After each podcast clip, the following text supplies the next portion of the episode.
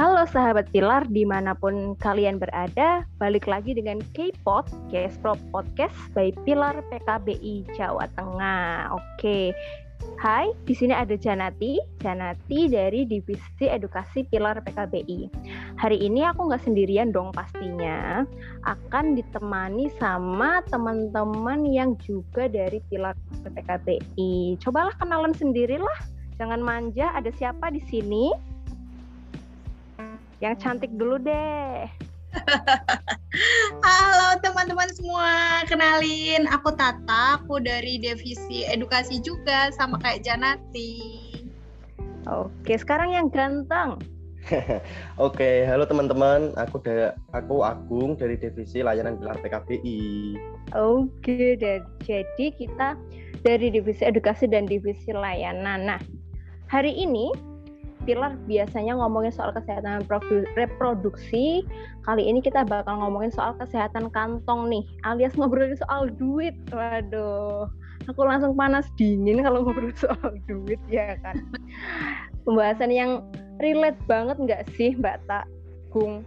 Maksudnya di era yang kayak gini, pandemi begini ya kan nggak iya. sekolah yeah. otomatis uang saku berkurang atau malah nggak dapat sama sekali ya kan hmm. remaja yang baru lulus kuliah seperti aku juga agak sulit buat cari kerja dan yang udah kerja kayak Mbak Tata ini agak was-was kalau nantinya akan ada terjadi sesuatu yang tidak terduga ya kan iya. nah jadi hari ini kita bakal sharing pengalaman sih dan tips-tips tips and trick yang udah pernah dilakuin sama Agung dan sama Mbak Tata. Nah, Agung dari sisi Agung akan ngebahas remaja yang masih sekolah dan masih kuliah bagaimana mengatur uang jajan yang mungkin menjadi minim saat pandemi dan Mbak Tata, dari Mbak Tata akan dari sisi remaja yang sudah bekerja punya penghasilan bagaimana ngaturnya. Oke, nah kita mulai dari Agung deh.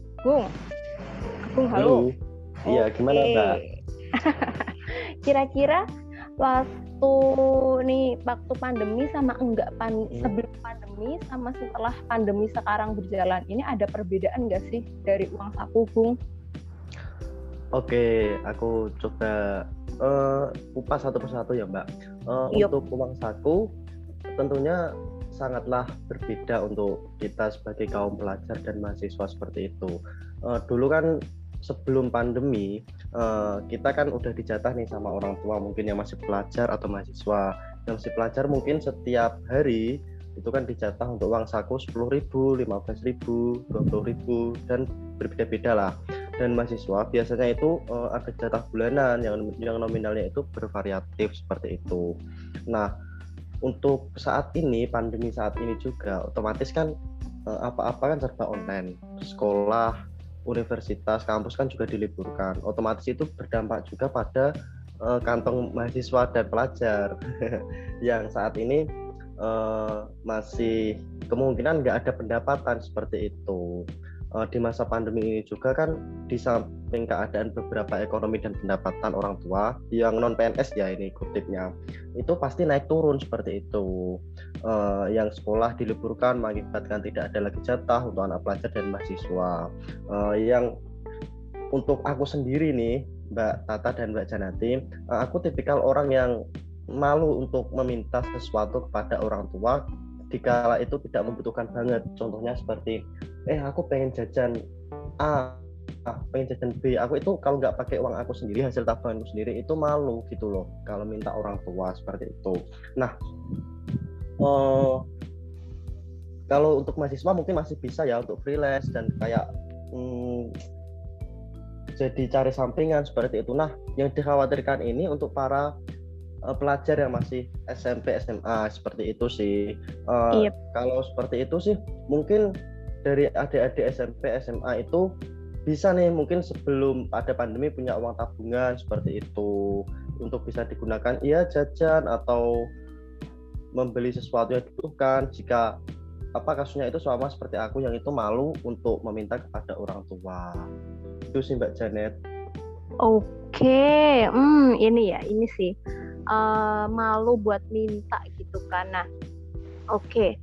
biasanya nih uh, mungkin mungkin ya teman-teman uh, remaja di rumah kalau mungkin sebelum pandemi nih uang saku ada uang saku dikasih segini butuhnya buat bisa buat jajan beli alat tulis beli paketan buat nongkrong dan sebagainya dan sebagainya nah terus sekarang pandemi oke okay, di rumah otomatis nongkrong juga dikurangi terus kemudian nah, tapi yang butuh bertambah adalah paketan data ya meskipun apa namanya uh, dapat bantuan dari pemerintah ya kan pasti tetap aja ada mungkin tugas-tugas yang membutuhkan uh, membutuhkan koneksi yang tidak di tidak dalam cakupan bantuan yes, kuota pemerintah itu tadi kayak gitu kan. Nah, itu tadi kalau dari sisi Agung nih, dari sisi remaja ya kan remaja yang uh, mungkin malu buat minta duit ke orang tua tadi.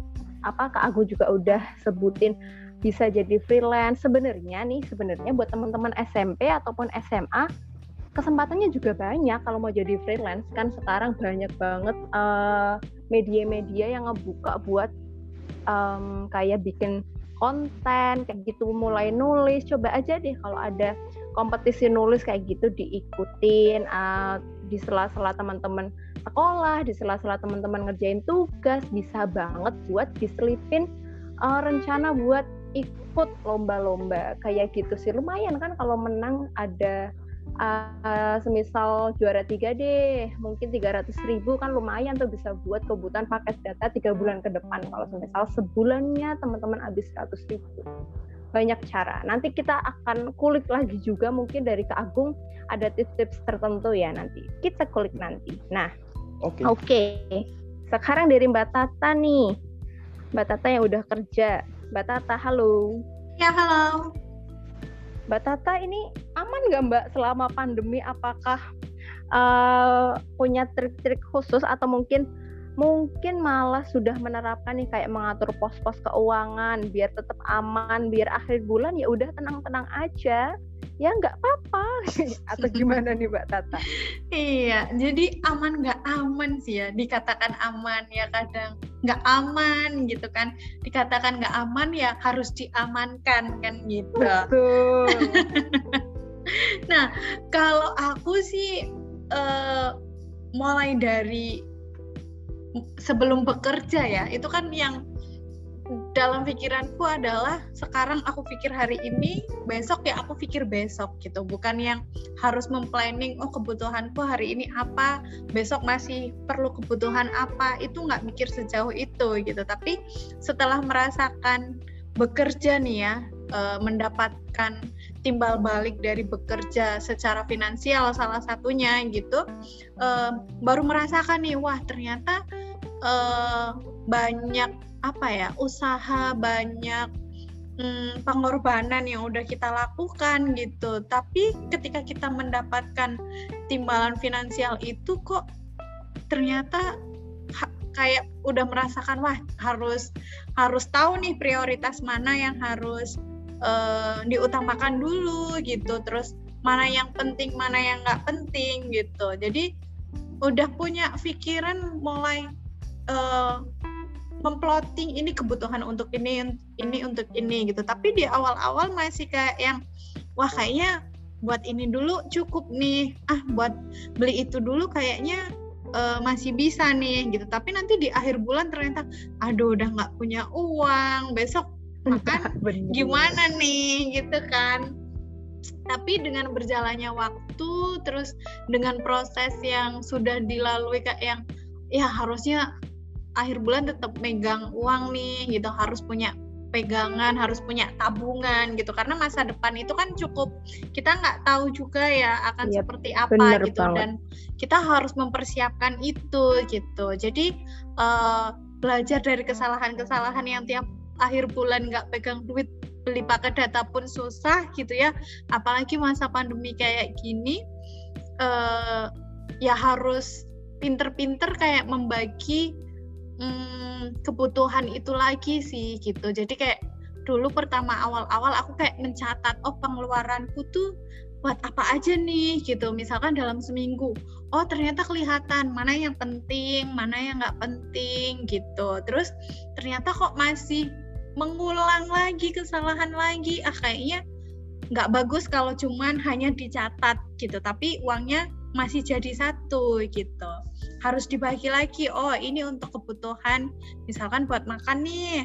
Oh ini buat uh, misalkan buat paket data. Ini buat uh, apa namanya berbagi misalkan ya kan? Nah itu harus dibagi-bagi. Terus uh, harus mempunyai tempat sendiri-sendiri sih Jan Agung. Okay. kalau aku ya itu harus yang kayak oh misalkan uang jajan harus aku taruh di satu tempat nanti uang bensin harus aku taruh di satu tempat. Jadi misalkan ada kembalian ya harus dikembalikan ke tempat yang tadi lagi. Jadi kayak nggak nggak jadi satu yang akhirnya lupa harus buat apa lagi gitu. Karena kadang masih suka nakal ya misalkan aduh aku udah capek nih kerja seharian gitu. Tapi aku pengen mengapresiasi diriku misalkan wah kayaknya beli seblak enak nih gitu. Aduh. apakah kalian juga kayak gitu? Gitu kan. Aduh aduh. Aku aku mau introspeksi dulu bentar. Ah aku mau dengerin dari Agung dulu gimana? Sambil aku berintrospeksi denger pertanyaan batasan iya sih mbak. Bener banget sih. Karena kalau kita uh, apa sampai sampai bekerja ya di fasenya mbak Tala seperti itu. Kadang kan kita uh, ingin apa mengapresiasi diri kita sendiri. Entah itu uh, kita pengen apa seperti itu. Sih kadang kan di kala ruwetnya kita bekerja harus ada uh, kita memberi support ke diri kita sendiri untuk lebih giat nanti ke depannya seperti itu sih kalau dari aku. Nah, dari Mbak Tata nih kan tadi untuk membahas mengenai masalah yang uh, udah bekerja seperti itu. Nah, aku ingin tahu nih dari Mbak Janati dari sisi remaja yang mau transisi bekerja kan seperti itu sih. Mbak Janati kan baru aja lulus dan akan bekerja. Itu uh, pandangannya seperti apa sih Mbak? Oke, okay. aku selepas melepas status mahasiswa aku jadi galau. Kalau kalau masih jadi mahasiswa masih ini enak ya, maksudnya uh, mau minta uang buat beli ini buat beli itu. Uh, aku aku tipenya modelnya kayak Agung sih. Emang maksudnya kalau nggak kedesek banget aku nggak akan minta di luar jatah wajibku seminggu sekali gitu kan semisal kayak gitu. Cuman uh, begitu apa selesai pandemi ini selesai pandemi begitu lulus terus kemudian ada di masa transisi ini aku jadi bingung juga semakin uh, semakin nggak enak gitu loh kalau mau minta ya kan kayak gitu. Um, kayak ya semisal aku dapat misal project apa ya uangnya aku simpan gitu uangnya aku simpan. Terus kemudian sebisa bisa lah aku plot plotin gitu ya. Terus juga kalau semisal andai kata aku ingin self reward andai kan aku habis bekerja seharian terus kemudian ingin memberi diriku penghargaan aku pasti selalu mikir-mikir beberapa kali aku mau jajan apa ya? Terus uh, oh aku mau jajan ini aku mau jajan itu. Nah itu awal-awal dulu kayak gitu maksudnya awal-awal setelah menyelesaikan banyak hal terus aku oke okay, aku self reward ah aku mau beli Taiti aku mau beli seblak aku mau beli ini. Tapi semakin ke sini aku semakin mikir kira-kira apa yang aku kerjakan maksudnya hektik sibukku seharian ini maksudnya sebanding nggak ya sama apa yang akan aku keluarkan untuk dalam lingkup self reward atau penghargaan ke diri sendiri ini gitu kan? Jadi jadi kemudian aku menerapkan gini sih ke, diriku sendiri. Uh, oke okay, kalau hari ini semisal kamu cuman cuman zoom meeting gitu kan? Aku kayak bikin peraturan buat diriku sendiri gitu loh.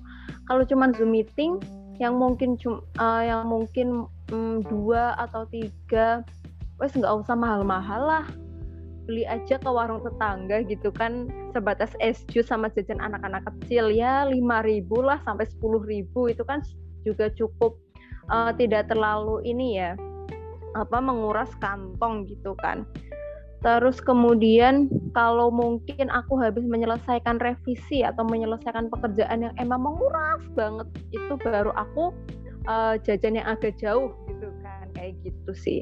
Aku hmm, terus juga ini sih aku juga menerapkan seperti Mbak Tata kayak ngeplot-plotin uangku meskipun uangku belum seberapa ya karena aku memang masih dalam proses untuk mencari pekerjaan itu uh, pasti ada plotnya sendiri nih. Plot untuk membayar uh, ini plot untuk kemudian um, menabung entah nanti keperluan untuk pajak kendaraan terus kemudian untuk uh, misal apa namanya dana darurat. Aku walaupun tidak seberapa aku ada kayak gitu loh.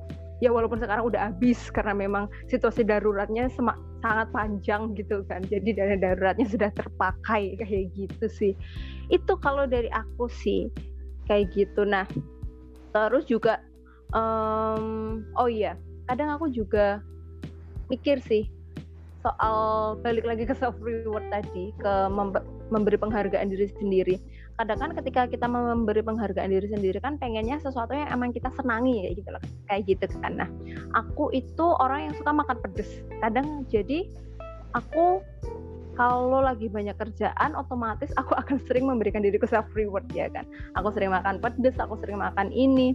Terus aku mikir kira-kira aku mikir lagi kira-kira ini aduh aku nggak sehat nih kalau gini-gini terus badan kok aku masukin makanan-makanan nggak sehat kayak gitu kan. Sering ngerasa gitu nggak sih? Maksudnya uh, penghargaan ke diri sendiri kan emang sesuatu yang kita suka sementara kadang sesuatu yang kita suka itu sesuatu yang nggak baik gitu kan. Gitu nggak sih mbak tak? Gung? Bener banget ya, mbak. Kadang kalau berlebihan itu emang hilaf lah. Semua Bener, yang ya. berlebihan itu tidak bagus, Agung. nah, iya kan, maksudnya, aduh, nggak sehat nih, nggak sehat. Aku kalau aku kan suka seblak, suka bakso aci. Aduh, ini kalau makan begini terus nggak sehat nih, nggak sehat di kantong, nggak sehat juga di badannya kan. Kayak gitu, apalagi ke depannya uh, apalagi sekarang-sekarang ini kan banyak remaja-remaja uh, teman-teman mas usianya masih muda nih udah kena diabetes kayak gitu kan. Usianya masih muda nih udah kena penyakit gula eh gula sama diabetes sama ya ya kayak gitu itu kan. Jadi mungkin uh, ini juga ada pengaruhnya sama kebiasaan itu sih jajan-jajan yang enggak sehat kayak gitu. Enggak sehat di kantong juga enggak sehat di badan gitu. Kalau menurut Mbak Tata gimana? Iya, uh, itu yang menjadi aku nggak tahu ya apakah ini bisa disebut tren gitu. Karena uh, yang aku lihat banyak remaja yang kayak yang karena teman-temanku pada beli boba nih akhirnya aku ikut-ikutan gitu.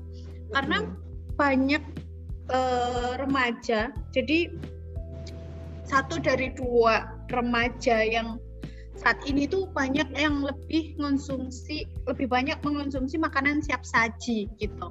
Nah, waduh. Di sini ini kan kita nggak tahu ya apakah siap yang siap saji itu bergizi atau enggak. Uh, kenapa banyak remaja yang uh, mengalami anemia gitu? Sebenarnya anemia ini bukan karena masalah dulu misalkan dia waktu kecilnya kenapa, ibunya kenapa, tapi lebih ke balik lagi makanan siap saji ini yang sering dikonsumsi oleh remaja gitu. Kenapa sih remaja enggak membeli makanan yang mungkin buah itu kan sebenarnya lebih sehat, pastinya lebih sehat, lebih murah juga gitu ya. Apalagi kalau di rumah biasanya banyak orang tua yang menanam buah-buahan nih di rumah gitu. Kenapa enggak mengonsumsi hal-hal yang lebih sehat aja gitu supaya uh, dengan kondisi misal pandemi kayak gini gitu ya banyak remaja yang mungkin melupakan akan tubuhnya sendiri gitu merawat tubuhnya sendiri berinvestasi kepada tubuhnya sendiri itu yang terkadang dilupain nih sama teman-teman remaja gitu.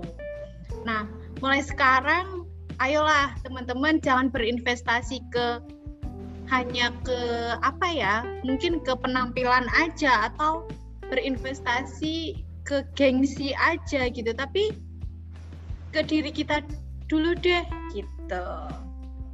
Oke. Hmm berinvestasi. Ya investasi nggak cuma duit ya ternyata. Investasi buat kesehatan juga penting. Kayak iya. gitu.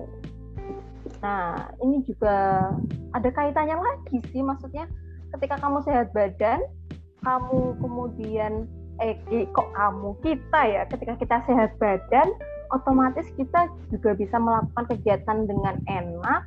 Misal yang kerja ya kerja lancar kan juga berdampak ke kesehatan kantong kita juga ya. Agung Mbak Tata bener nggak tuh? Bener banget sih Mbak. Eh, bener banget iya kan? Aduh. Hmm. Oke. Okay. nah kalau dari pengalaman ini tadi kan apa namanya tadi aku belum tadi dari Mbak Tata kita udah dapet soal mencatat pengeluaran, terus kemudian memplot-plotin nih, naruh uangnya yang udah diplot-plotin di tempat yang berbeda. Mungkin di stoples tulis buat bensin, buat makan, buat jajan, kayak gitu ya. Nah, kalau dari Agung sendiri nih, tadi Agung belum cerita banyak. Kira-kira uh, mungkin dari Agung SMA sampai mungkin sekarang kuliah ada nggak sih trik-trik khusus buat mensiasati uang jajan dari orang tua atau hmm. mungkin pernah aku pernah freelance ini mbak atau itu atau gimana nih Gung kalau dari Agung? Oh tentunya kalau dari aku ya pernah sih mbak untuk tips-tips ya mesti ada seperti itu. Kalau nggak ada ya gimana kita mengatur keuangan habis dong bener, secara bener cepat. Banget. Ya, betul betul. Eh, kalau tips dari aku sih uh, yang pertama yang sering aku lakukan itu membuat planning sih pengeluaran pendapatan. Sama seperti Mbak Tata kadang aku catat uh, pengeluaran selama sebulan itu apa seperti itu. Kan kita pendapatannya nggak mesti sih seperti Mbak yep. Tata kan bekerja kayak gitu kan pendapatannya itu pasti seperti itu. Nah kalau kita kan nggak mesti seperti itu loh Mbak. Kadang kita dikasih jatah sama orang tua itu sebanyak eh, satu uh, juta lah kita buat gampang itu satu juta selama satu bulan. Nah itu aku kadang itu membuat planning pengeluaranku segini segini segini seperti itu. Nah di akhir nanti di akhir bulan itu aku total. Nah sisanya itu seberapa? Dan kalau sisanya itu tidak sesuai dengan uangnya berarti ada pengeluaran yang belum aku cantumin. Mungkin hal-hal kecil seperti itu sih. Itu di luar kayak makan ya mbak? Di luar kayak gitu. Makan kan kebutuhan. Nah selanjutnya uh, mungkin dari aku menabung. Nah, menabung ini kan sejak kecil kita diajari nih, dan apa sering banget kita dengar kata-kata uh, kita diharuskan sejak kecil itu menabung kan seperti itu. Padahal yang paling utama dari menabung itu adalah belajar mengatur keuangannya. Artinya untuk anak muda ini yang masih pelajar atau mahasiswa harus pandai mengatur keuangan yang mereka hasilkan atau yang mereka miliki entah itu dari jatah bulanan atau dari kerja sendiri freelance seperti itu. Nah, dengan menabung juga ada banyak manfaat. Seperti contohnya nih eh, kita butuh untuk membayar uang kuliah, SPP dan ketika ada keperluan yang sangat mendesak. Ya dan itu yang harus mengharuskan kita untuk membayar maka kita masih bisa membayarnya dengan simpanan uang tabungan tadi. Seperti itu sih mbak. Ah, oh, terakhir nih uh, teman-teman khususnya remaja yang dibilang mbak Tata tadi yang mungkin uh, ikut-ikutan tren. Kalau dari aku sih usahakan aja sih untuk teman-teman belilah barang yang dibutuhkan bukan barang yang diinginkan seperti itu. Uh, mungkin lebih kebanyak manfaatnya yang lebih panjang manfaatnya daripada uh, barang yang kita inginkan. Ya emang boleh kita uh, reward diri kita tapi kan harus sesuai dengan kantong kita ya, dengan pengeluaran kita seperti itu sih Mbak Janet. Oke, aku tertarik banget nih tadi apa namanya soal yang terpenting dari kita menabung adalah mengatur keuangan. Bener banget sih, aku beberapa kali menabung dan hasil akhir aku ambil. itu sih. kalau dari aku sih, Mbak, uh, gimana tuh? Aku menabung itu kalau menabung dalam bentuk fisik, maksudnya uangnya aku pegang sendiri itu nggak nggak nggak akan bisa sesuai gitu loh. Makanya kalau dari aku kalau aku niat menabung itu ya mungkin di bank atau mungkin di aplikasi seperti Dana, link aja seperti itu sih. Uang aku aku taruh situ. Kalau aku pegang pasti cepet habis. Oke. Okay. Ya, aku terapkan habis ini. Pasti sahabat Pilar di rumah juga ngalamin nih. Mungkin lagi mau nabung nih ya. Uh, Oke, okay, misal uh, um, idolku misal dua bulan lagi comeback bakal ngeluarin album baru. Aku mau nabung lah. Sosokan banget. Aku aku sih itu kejadian di aku sih. Sosokan banget nabung. Habis itu ternyata aku ingin maksudnya banyak keinginan-keinginan. Ini ini tadi juga yang perlu dicatat dari Agung uh, lebih ini ya menentukan prioritas gitu kali ya Agung ya. Maksudnya uh, lebih dahulukan kebutuhan daripada keinginan gitu iya ya seperti itu juga. Seperti itu. Nah menarik banget sih. Aku dapat banyak insight. Abis ini aku mau cari toples ah buat naruh duit. Yang banyak duit buat ini duit buat itu ya kan. Terus nanti toplesnya kalau... jangan jangan sampai ada yang bisa dibuka ya mbak. Bahaya. Nanti diambilin terus oh bener banget toplesnya yang disolasi gitu kali ya ya Mbak Tata kalau toplesnya kayak gimana nih Mbak Tata? Iya.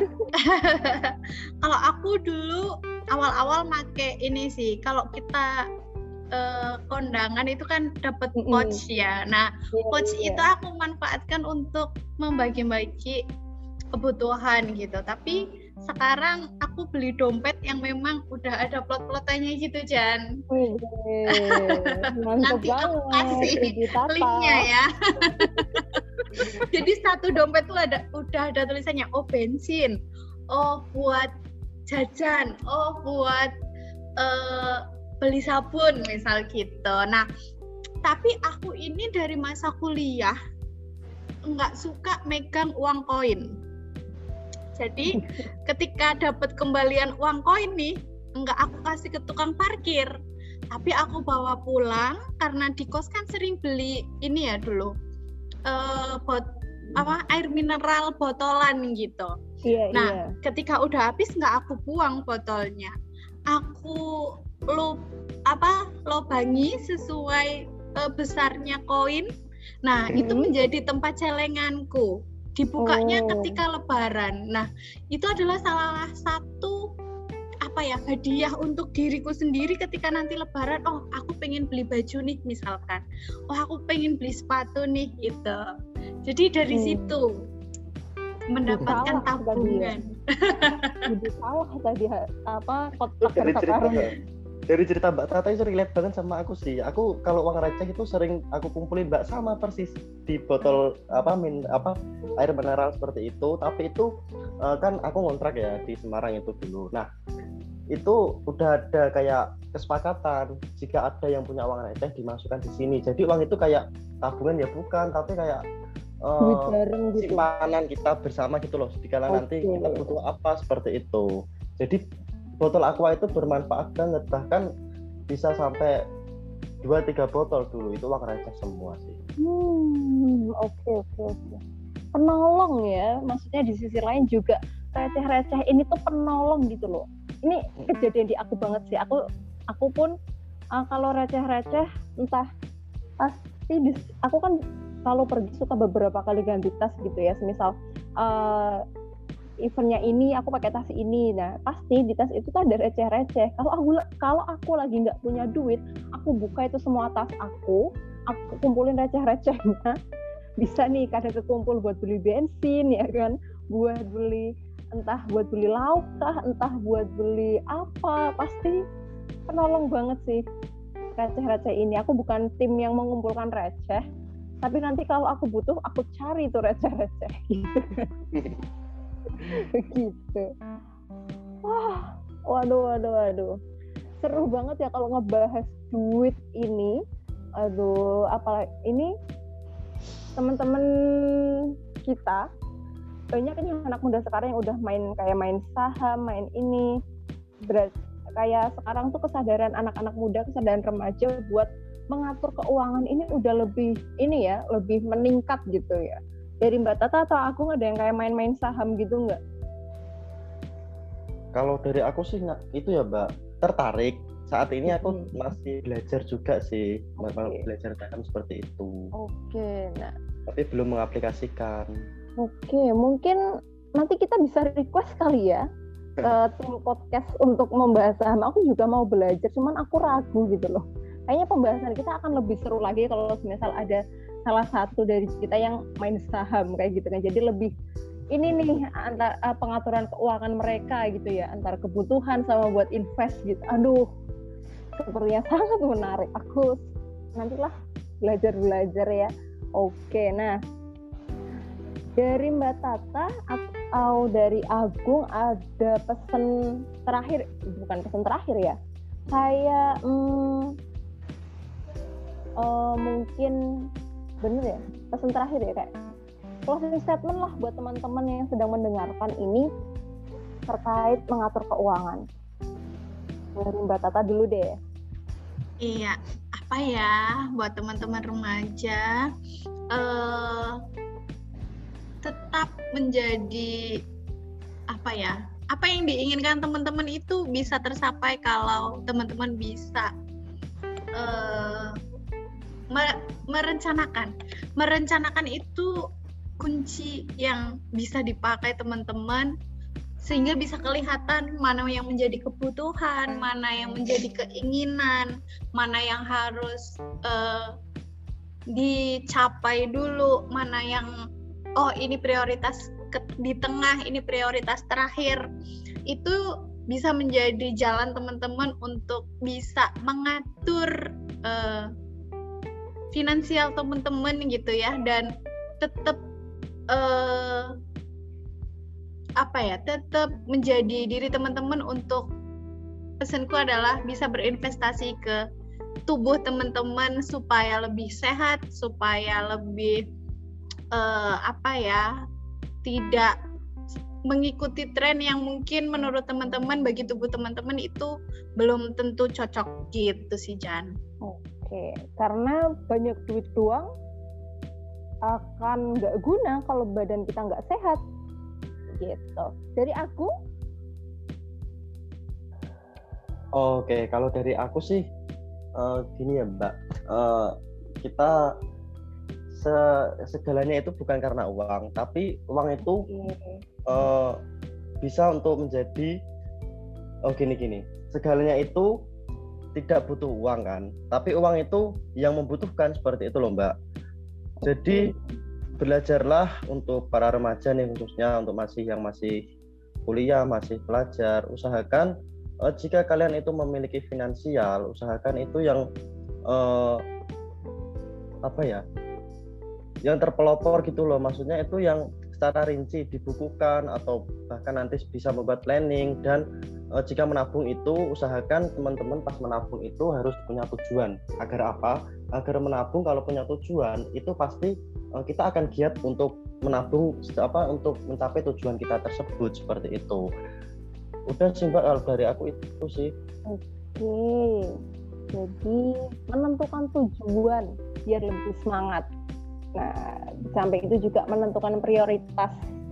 Aduh, keren banget pembicaraan kita hari ini. Jadi, segitu dulu podcast pilar kali ini buat teman-teman yang ngerasa punya masalah, permasalahan, asal bukan masalahnya nggak punya duit aja ya, Pilar nggak bisa kasih kalau itu ya kan. Yang bisa Pilar beri, yang bisa Pilar beri adalah telinga yang lebar buat mendengar segala keluh kesah sahabat Pilar. Bisa banget akses layanan Sobat Sambat di 0822 4268 9694 atau DM di at pilar PKBI. Pokoknya sambat cukup strong sak lawase. Oke, terima kasih Mbak Tata, terima kasih Agung, terima kasih sahabat Pilar yang sudah mendengarkan. Semoga hari-harinya menyenangkan. Sampai jumpa di podcast Pilar selanjutnya. Bye bye. Sampai jumpa.